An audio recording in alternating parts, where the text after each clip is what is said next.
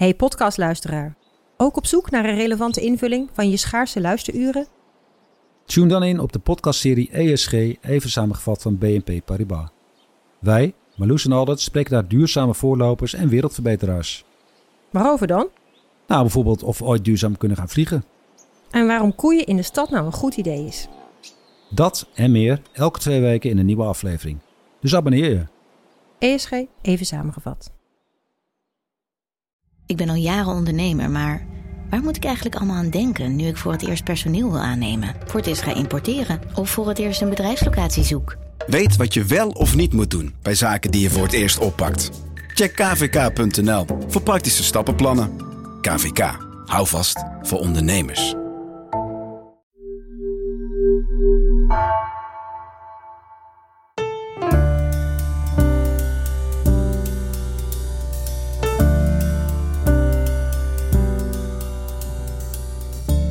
Welkom bij Tussen de Regels, een podcast van NRC over boeken en schrijvers. Mijn naam is Michel Krienaars en je luistert naar de eerste aflevering van een negendelige reeks over boeken die de wereld veranderden.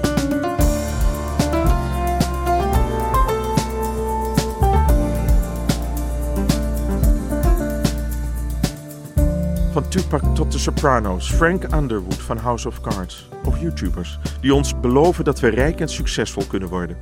Het werk van de Italiaanse politiek filosoof Niccolo Machiavelli zien we terug in onze favoriete personages. Bij politici, psychologen en zelfs bij businessadviseurs. Zijn reputatie sluw, manipulatief en immoreel. De kwade genius van het politieke spel. Maar was Machiavelli wel zo'n gewetenloze politiek strateeg? Of was hij juist een daadkrachtige visionair? En hoe is het om zijn boek De Heerser of op zijn Italiaans Il Principe nu te lezen? Vandaag bij mij in de studio boekenredacteur Eva Peek en filosofe Tineke Beekman, die een boek over Machiavelli schreef met de titel Machiavelli's Lef, levensfilosofie voor de vrije mens. En ook nog eens op Machiavelli kwam via een heel andere filosoof, via Spinoza. En daarover schreef ze ook een boek, Spinoza's Lens, een oefening in levensfilosofie.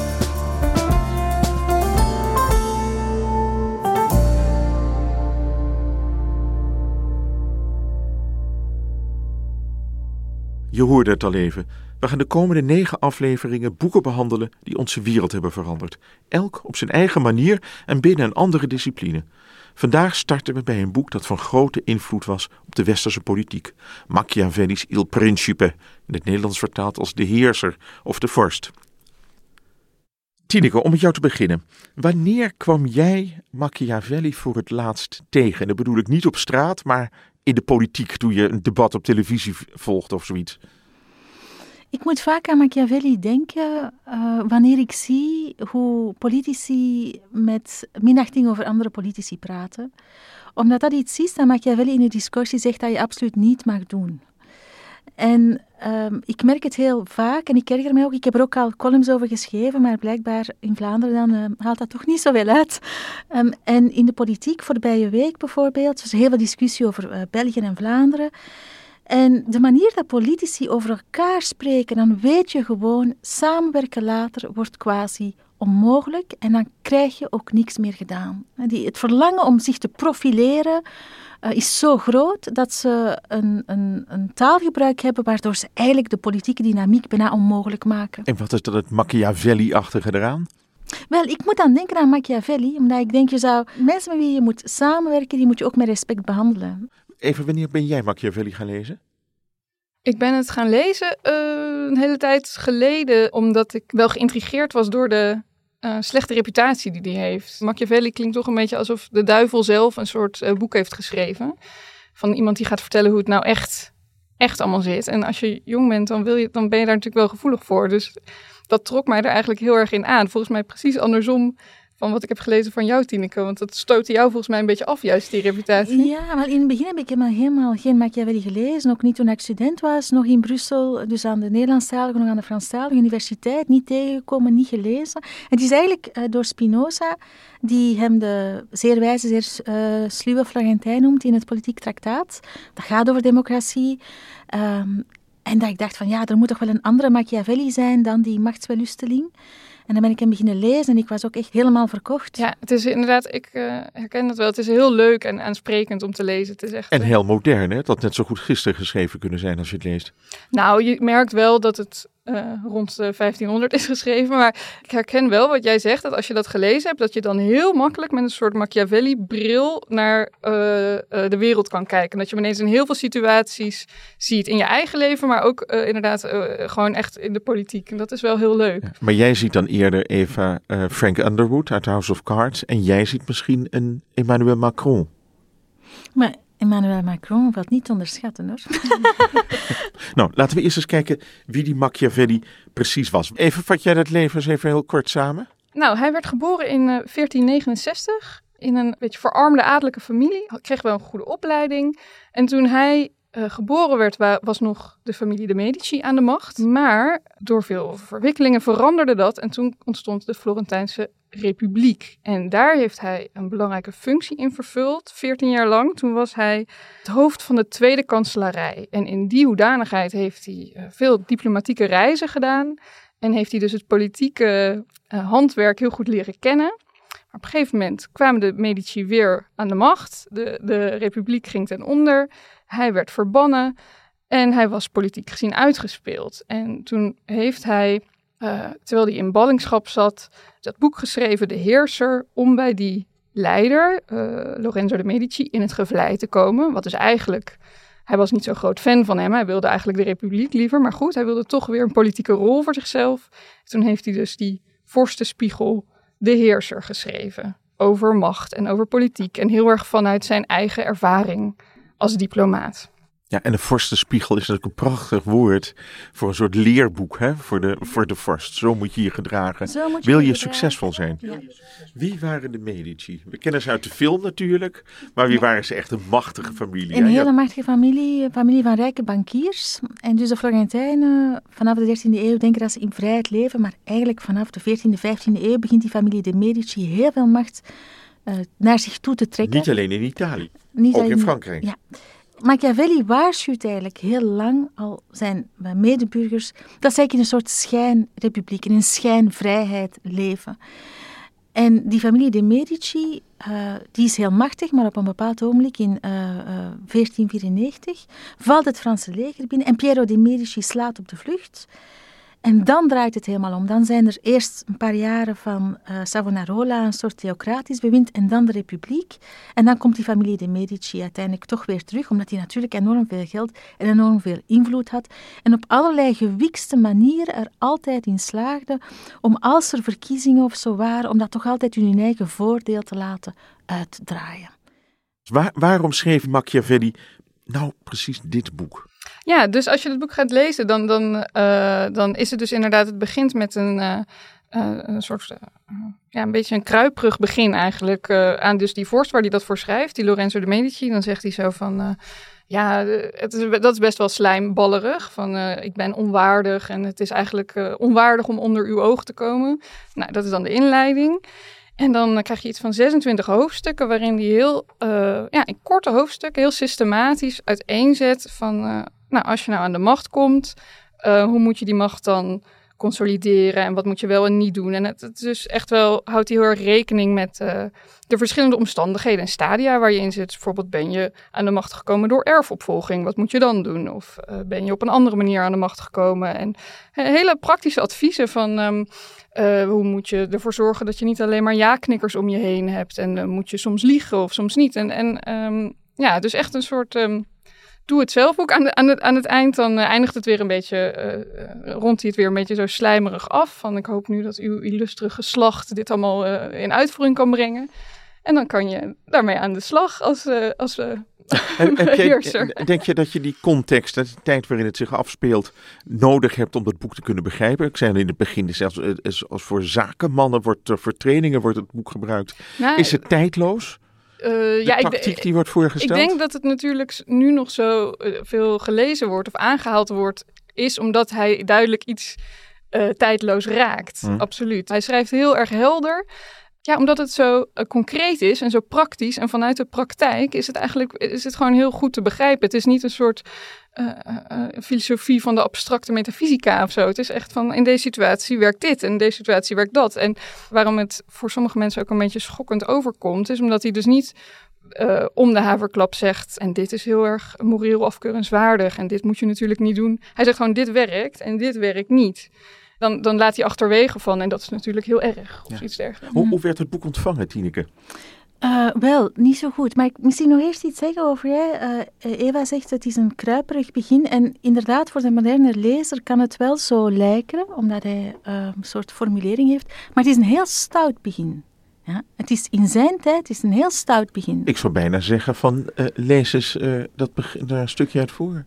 Wel, ehm, Want stout klinkt eh, ja, verwachtingsvol. Ja, wel, als ik het even mag. Ja, dus hij zegt daar... Ik heb dit werk niet opgesmukt en volgeschreven met wijdse formuleringen, hoogdravende en schitterende bewoordingen of welke andere fraaie versieringen dan ook, waarmee velen hun zaken beschrijven en verfraaien.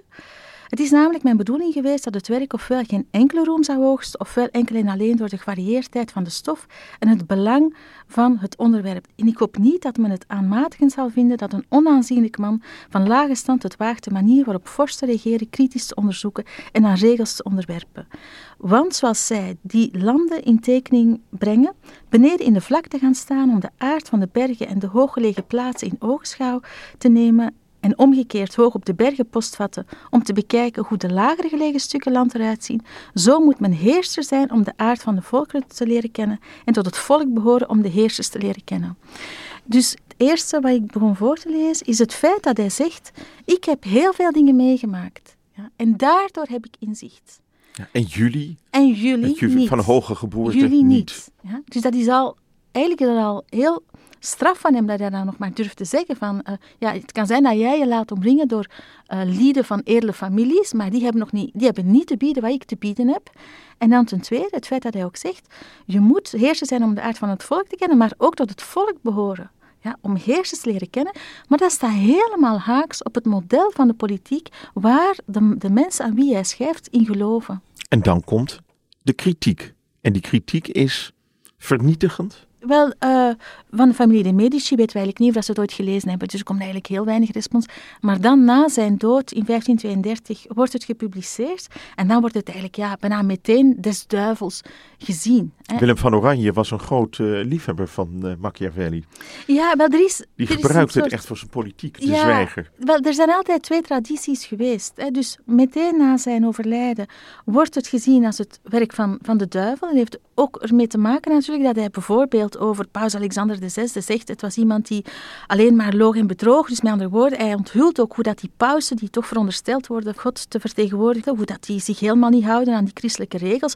In dat opzicht is zijn werk zeer onwelkom. Uh, maar het is zeker zo dat er heel veel mensen altijd heel erg door geïnspireerd zijn. Vooral ook meer republikeins geïnspireerde mensen, Spinoza, Diderot. In de 18e eeuw zitten we dan al uh, met Diderot en Rousseau. Uh, Rousseau die, die over hem zegt, Il Principe is het boek voor de republikeinen, omdat hij lessen geeft over macht aan het volk. En dus die tweespal tussen uh, pleit hij nu eigenlijk voor een soort cynisch behoud van de macht van een elite, of geeft hij lessen aan het volk. Die tweespalt is er altijd gebleven in de interpretatie van zijn werk. Ja. Kun je nog een paar grote leiders noemen uit de wereldgeschiedenis? Lenin staat mee bij, dat hij een bewonderaar was. Ja, en uh, uh, Mussolini ook. Hè, die de... Ja, ik, ik, ik vind het toch wel interessant dat de, de namen die we nu noemen, dat zijn toch allemaal twijfelachtige leiders, zou, zou ik zeggen. Ik de, um, en ik snap ergens ook wel, ik lees ook wel af en toe dingen uh, in de heerser waar ik ook een beetje van denk, ja, dit soort argumenten kunnen echt wel verkeerd gebruikt worden. Vooral als je gaat kijken naar, als ik lees dat hij heel erg uh, zegt van je moet stabiliteit en veiligheid waarborgen tegen de chaos. Dan doet dat mij heel erg denken aan de legitimiteit die, die, die bijvoorbeeld Poetin of, of Xi Jinping of zo zichzelf geven. Hè, van, uh, Tirannen ik of de chaos, zeg maar. Dat, dat, dat vind ik wel soms een beetje lastig om te lezen. Omdat ik weet wel dat hij zegt, um, en dat schrijf je ook in je boek, Tineke, van um, het doel van hem is uiteindelijk vrijheid. En hij wil de vrijheid van de republiek waarborgen. Maar dan denk ik wel, ja, maar wat de een ziet als vrijheid, dat ziet de ander misschien weer als onderdrukking. Hè? Van wiens vrijheid hebben we het dan eigenlijk? Wie bepaalt eigenlijk wat die vrijheid is? En soms als hij dan bijvoorbeeld ook schrijft over het stichten van koloniën en, en, en het vernietigen van de bevolking daar, als het ehm, goed uitkomt, dan denk ik wel, ja, is dat niet een beetje een blinde vlek van hem? Van wie bepaalt nou eigenlijk uh, uh, hoe die veiligheidsstabiliteit eruit ziet? En is het niet ook makkelijk voor een heerser om te zeggen, ja, het is ik of de chaos? Ja, het is zeker zo dat argument ik of de chaos, zeker eigenlijk aan, aan, rechtse zijde of aan autoritaire zijde, of soms ook aan linkse zijde, uh, natuurlijk gebruikt wordt. En in dat opzicht is het ook zo dat naast de heerser moet je ook echt wel de discussie lezen. En dat is eigenlijk een boek dat hij nooit gepubliceerd heeft. Dat, hij, dat een, het gevolg is van een gesprek met een aantal vrienden die tot de elite of tot de aristocratie behoorden in Florence in 1520. En die uh, zich ook tegen die de Medici keert en die dan daarna ook beschuldigd zijn van samenzwering enzovoort. In de discussie is het gewoon glashelder uh, dat hij zegt dat er voor elke macht een tegenmacht moet zijn. Uh, dat de leiders altijd het algemeen belang voor ogen moeten hebben en nooit het private belang. Dat als iemand corrupt is, als iemand probeert ook de, de menigte op een onrechtmatige manier te behagen of uh, te misleiden, dat daar tegen opgetreden moet worden en zo. Dus daar is het eigenlijk inderdaad veel, veel duidelijker dan, uh, dan in de heerser. Maar die mogelijkheid en dat vertrouwen zit wel ergens in het boek. Omdat hij ook zegt bij Fortuna, je mag nooit fatalistisch worden. Je moet altijd zien wat je kan doen. En in dat opzicht zit er wel een soort actiegerichtheid in uh, die, die wel inspirerend kan zijn. Maar, maar die Fortuna kan zich ook tegen je keren. Dat zegt hij ook. Absoluut. En daar moet je rekening mee houden. En vooral ook als je hoogmoedig bent, als je overmoedig bent. Juist als je denkt dat je alles controleert, zal Fortuna jou wel tonen dat het, dat het niet zo is. Ja. Dus het is, het is iets waar je ook wel een beetje respect voor moet hebben, voor Fortuna. Wat kun je, Tineke, kun je even kort vertellen, Fortuna, Fortuin? Hoe moeten we dat zien? Wel, Machiavelli gebruikte Fortuin, dat is een uh, Romeinse godin die uh, aan ene, in haar ene hand een roer heeft, in haar andere hand de hoorn des overvloeds en die dus de goede of de slechte dingen kan brengen. Hij gebruikte fortuin als een blinde kracht, niet als een godin die een bepaald plan of zo uitvoert, maar Fortuna staat voor de voortdurende verandering van het leven. Dus je denkt dat je alles onder controle hebt, dat alles goed gaat, en bam, plots is er een verandering, plots is er een pandemie, plots is er een inval, plots is er een et cetera. En dus Fortuna uh, werpt voortdurend obstakels op, of soms heb je ook wel geluk, maar vaak ook wel obstakels of crisissen. Dus het is, het is, een blinde kracht die je altijd opnieuw treft, ten goede of ten kwade. En die je nooit volledig kan beheersen. Maximum voor 50%, maar nooit helemaal. Grappig dat je dat zegt, want ik ben het helemaal met je eens dat, um, dat het inspirerende is aan dat boek. En wat het ook een soort energieke kracht geeft, wat het heel leuk maakt om te lezen. Maar wat ik er grappig aan vond, is dat hij op een gegeven moment schrijft... omdat Fortuna een vrouw is, moet je haar af en toe goed afranselen. Want zo hou je haar onder controle. Dat is dus aan de ene kant heel inspirerend, wat je denkt, ja, je moet het lot af en toe even bij de lurven grijpen, hè, of je, ja, als het dan even het lot zouden noemen. Maar aan de andere kant vind ik het weer een voorbeeld van hoe Machiavelli uh, soms blinde vlekken heeft, in dit geval uh, het recht van vrouwen. En ik ben er helemaal niet geschokt dat een, een, een 15e eeuwer niet een soort feminist is, maar hij schrijft ergens anders ook ja, je moet um, andermans vrouw niet zomaar uh, in bezit nemen en ik neem aan dan verkrachten, want dat, dan word je gehaat als heerser en dan, dat is niet goed. Maar hij zegt dus nergens van ja, je moet andermans vrouw niet verkrachten, want dat is vervelend voor die vrouw. En nogmaals, ik begrijp echt wel dat, dat hij geen feminist was of iets dergelijks, maar het, het wijst mij wel weer een beetje op een ironische manier dus op de vraag van ja, wie bepaalt nou eigenlijk of het wel een goed idee is dat jij uh, jouw macht op die manier uitoefent. Dat is toch een vraag die die, die niet echt uh, aangaat. Hij gaat er nee, eigenlijk natuurlijk al niet. Dat, dat, is een blinde vlek. Nee, precies, dat, ja. dat is geen blinde vlek. Dat is gewoon niet het thema van het boek. Ja. Het thema van het boek is hoe dat een nieuwe vorst macht kan verwerven en macht kan behouden. En Ja. opnieuw, dus er zit veel meer aandacht voor het lot van burgers en die gelijkheid in die discussie. Ja. En natuurlijk is het zo dat Machiavelli, ja, dat is ook een soort uh, macho in zijn tijd. Tuurlijk, ja. Nu is het wel zo dat in zijn uh, toneelstukken bijvoorbeeld er wel veel respect is voor vrouwen, voor vrouwen als intelligent, voor vrouwen als... Eh, dus het is natuurlijk de mate dat er in die tijd fysiek veel oorlogen waren, ja, zit je natuurlijk wel met een beeld van mannelijkheid en, en, Plunderen, vrouwelijkheid, voilà, dat eigenlijk niet meer... ehm, ja, dat, dat, dat je vandaag... vandaag niet meer kan voorstellen. Ik weet het niet. Soms als ik de krant open zie, dan heb ik niet het gevoel dat we nog sterk geëvolueerd zijn tegenover In Oekraïne die gebeurt hetzelfde. En je krijgt toch ook wel de indruk dat Poetin eh, Machiavelli gelezen heeft. Ja, Althans, is- een samenvatting ervan. Precies wat jij net zegt, van het sta- dat staat eh, gewoon niet in dit boek. Ik denk dat, dat, ik denk dat je er helemaal gelijk in hebt. Ik denk alleen dat dus het probleem is van Machiavelli, als je kijkt naar zijn invloed, dat dus helaas dan dit boek vooral gelezen wordt. En dus ik zie wel heel, eh, ik kan me heel goed voorstellen dat als dus al die wereldleiders alleen dit boek van hem lezen, dat ze dan hele gekke ideeën krijgen. Ja, maar, maar Tineke, jij zegt tegelijkertijd: het is hem erom te doen dat het om evenwicht gaat. Evenwicht tussen de vorst en het volk. Alleen maar door dat evenwicht kun je hè, die vrijheid krijgen. Die de daar staat zou moeten hij- vertegenwoordigen. Ja, dus je kan inderdaad Il Principe lezen als een boek zonder externe rechtvaardiging van, van macht. Dat wil zeggen, de vraag is alleen, hoe behoud jij je macht? Eh, wat, wat je merkt is dat hij op verschillende punten zal eh, eh, raadgevingen geven die hij maskeert in zekere zin als, kijk, als je dat doet, is dit echt heel, heel goed voor jou, maar die eigenlijk toch vaak ook wel de bredere bevolking te goede komen. En in dat opzicht zijn er heel veel passages, drie of vier, waarin hij zegt, eh, een vorst moet ook altijd rekening houden met de bevolking, uiteindelijk je macht, hoeveel, hoe sterk je leger ook is, uiteindelijk als je niet de goedkeuring van de bevolking hebt, dan ga je je macht niet kunnen behouden. En dus er zijn een aantal dingen die hij inkleedt als dit is goed voor jouw macht, maar die eigenlijk toch ook wel een politieke omwenteling zijn. Dus het maakt het boek moeilijk om te lezen voor de hedendaagse lezer. En er zitten verschillende lagen in, er zit een bepaalde retoriek in en je moet die retoriek ook, ook kunnen doorprikken, zou ik Ja, maar zeggen. Want eigenlijk eh, zeg jij, hij heeft als doel een goede regering te krijgen hè, voor zijn land. Mhm. Tegelijkertijd moet Eva een aantal eh, tirannen op die dat boek goed gelezen hebben en die gebruik maken van zijn adviezen. Dat, dat, dat botst toch een beetje met elkaar. Want die tirannen willen geen goede eh, eh, regering. De dictatuur van het proletariaat van Lenin was niet echt een goede En regering. dan moeten ze dus eigenlijk meer van hem lezen. Ja, maar kijk, dan zou ik zeggen dat Lenin toch al minstens één hoofdstuk helemaal heeft overgeslagen. En dat is het hoofdstuk Man in waarin... haast. Ja, en dat is het hoofdstuk waarin dat hij heel duidelijk zegt dat hij iets wil schrijven dat nuttig is. Dus hij wil kijken naar oorzaak en gevolg in de werkelijkheid. Want, zegt hij, ja, je moet niet vertrekken van een soort blauwdruk. En vanuit die blauwdruk proberen van je samenleving aan te passen, want dan ga je alleen maar heel, meer geweld en meer ellende creëren. Ja. Welk hoofdstuk is dat? Dat is het vijftiende. Vijftiende. Dat sturen we dan nog even naar Moskou.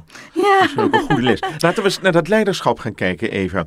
Er staat ook in dit boek: hè, het is veiliger om gevreesd te worden dan geliefd.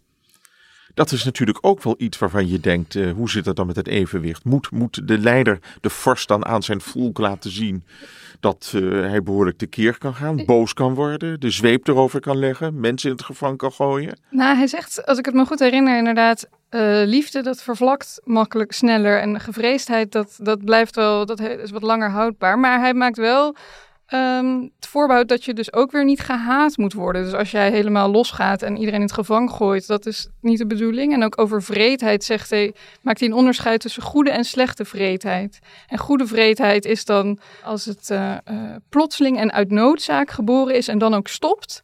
En slechte vreedheid is als, je, als het alleen maar meer wordt. Hij wil gewoon dat mensen niet over zich heen laten lopen vanuit een soort extreme deugdzaamheid. Want dat doet uiteindelijk jouw jouw eh, ideaal alleen maar kwaad. En dat vind ik ook best wel een ehm, inspirerend punt, waar je zelf ook echt wel iets mee kan. Je moet soms, je kan te nederig zijn. Nederigheid is een deugd. Maar ja, als je alleen maar nederig bent, dan bereik je niks. Je moet soms af en toe ook even... eh, Ja, het voortouw nemen, Tineke. Hè? Handelen is heel belangrijk. Beter handelen dan stil te blijven zitten en niets Ja. doen. Ja, en bij die nederigheid, dat is, dat is een kritiek op de christelijke deugden van Ja. zijn tijd. Hè. De Italianen, dat is eigenlijk zijn grote vraag. Hè. Hoe, hoe komt het dat wij in vergelijking met Romeinen, dat het zo bergaf is gegaan? Hoe komt het dat in zijn tijd Italië zo verdeeld is, dat er zoveel oorlogen zijn? En ja, hij geeft daar de kerk op tal van manieren de schuld van. En een van de manieren is door het prijzen van de nederigheid, want als je op je knieën zit, dan kan je jezelf niet verdedigen en dan gaan er schaamteloze figuren komen die misbruik gaan maken van het feit dat je niet bereid bent om te vechten. Maar ook over die haat en die liefde, inderdaad, wat hij zegt is dat eh, anderen beslissen hoe, hoe, hoeveel ze van je houden, maar jij beslist of je gevreesd bent of niet. En dus het is altijd beter om, om dat zelf te controleren dan wanneer dat je daaraan overgeeft. Een, een zwakte, het niet kunnen optreden, niet willen optreden, kan gemaskeerd worden als een vorm van barmhartigheid. Maar dat kan er op termijn toe leiden dat je veel meer schade berokkent.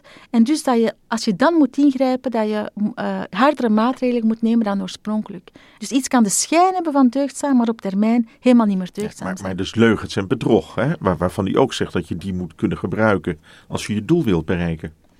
Ja, dat hoort bij, de, dat hoort bij het politieke spel. Maar tegelijkertijd, het, is ook iets. Ehm, om, zelfs om het goede te doen als leider moet je nog altijd wel de macht behouden. En dat is eigenlijk wat hij hier beschrijft. Als je altijd goed probeert te zijn, in een wereld van wat we vandaag de dag zouden zeggen narcisten en psychopaten, word je gewoon van de macht verdreven en kan je helemaal niks meer doen. En dus in de politiek bepaal je zelf niet de regels van het spel.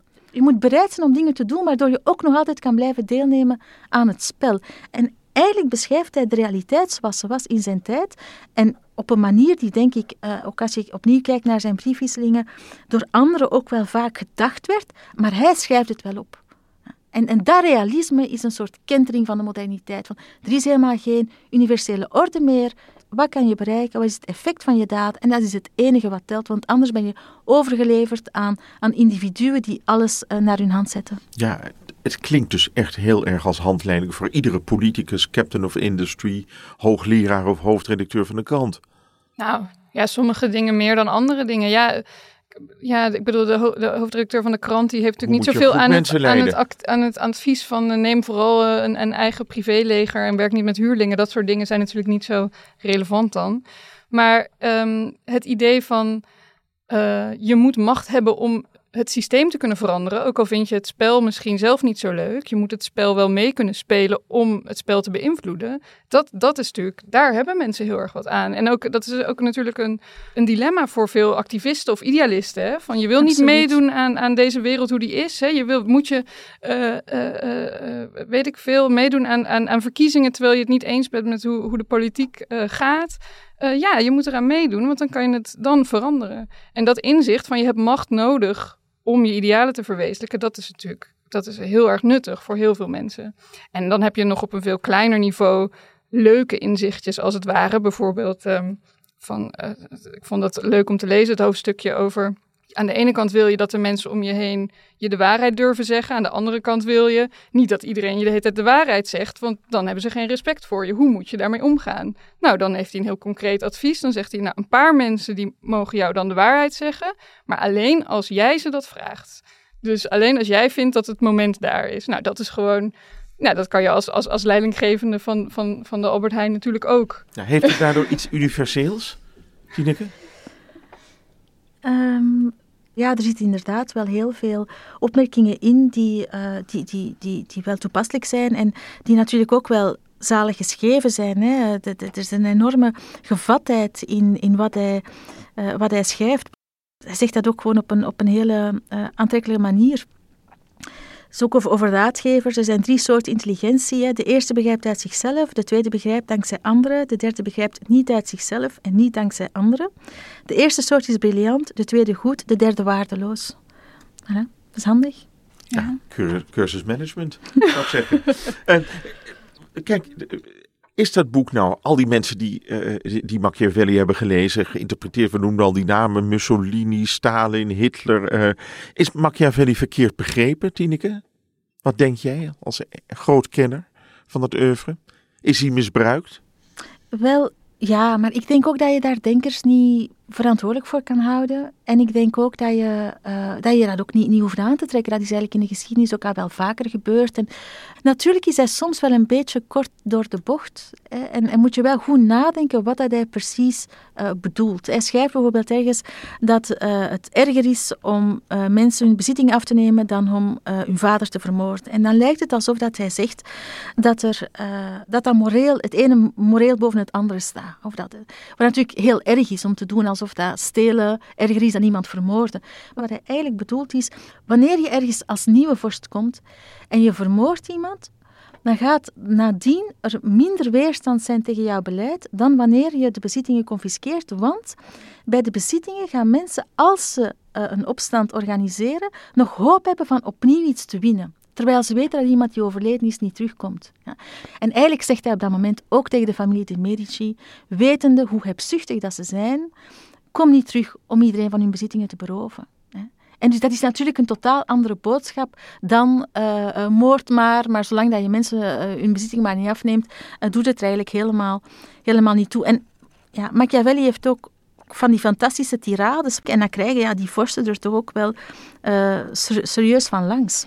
Maar je verwacht het. Ik denk dat de, de schok is van mensen, of waarom ze het misschien uh, slordig of verkeerd lezen, is dat je niet verwacht dat iemand dan niet daarachter achterna schrijft. En natuurlijk is het ook veel erger om iemand te vermoorden. En dat, dat, dat schrijft hij niet. En daardoor, doordat hij dat weglaat, en dat is wel verrassend. Ik lees niet zoveel mensen die dat gewoon helemaal niet adresseren. Uh, daardoor uh, is het denk ik makkelijk te vergeten dat hij dat dus gewoon niet behandeld. In plaats van dat hij zegt, uh, moorden is minder erg of zo.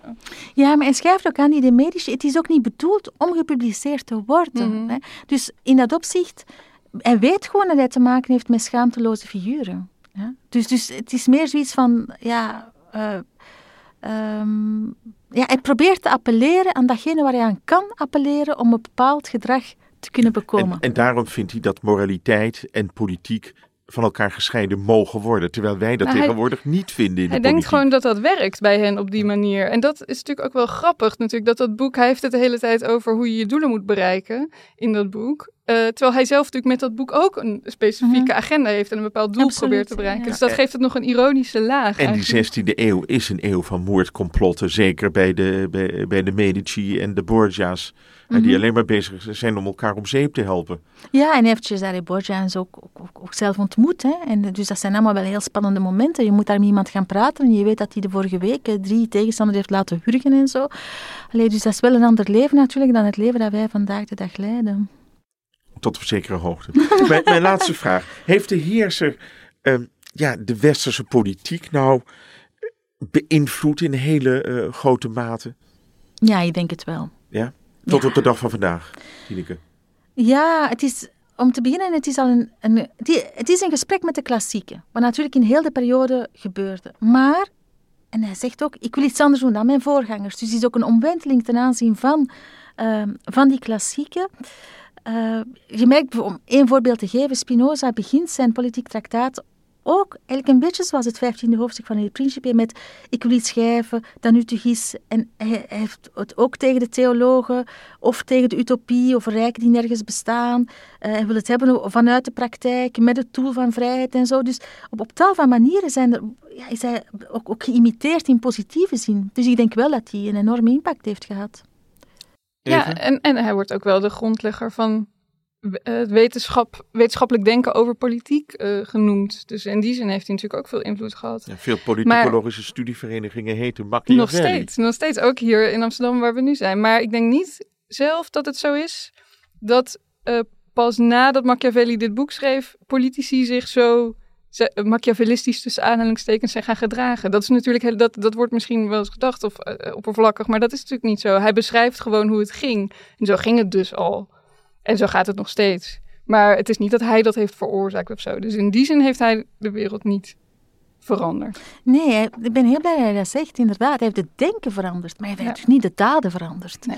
Want wat hij beschrijft, dat bestaat natuurlijk al duizenden jaren. Ja. Tot slot, hebben jullie een favoriet citaat? Dat jullie iedere avond voordat je slapen gaat uh, hardop leest?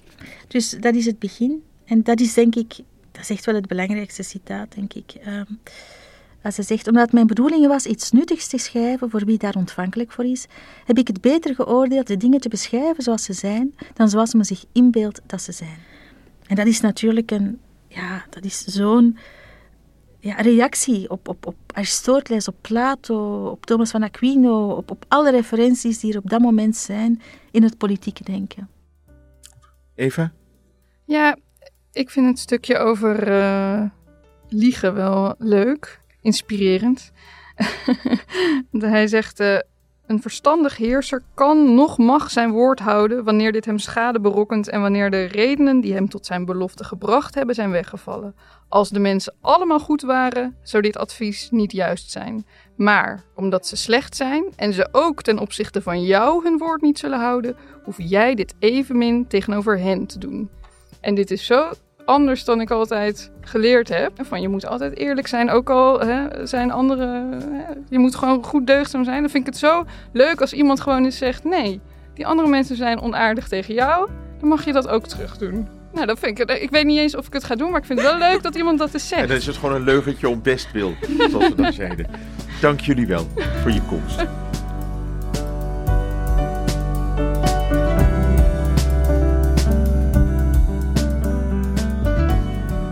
Volgende aflevering van deze serie over boeken die de wereld veranderden kun je nu alvast in de gratis NRC audio-app beluisteren. Hierin bespreken we Virginia Woolf's Mrs. Dalloway. U luisterde naar een podcast van NRC. Deze aflevering is gemaakt door Janne Gierke. Tot de volgende week.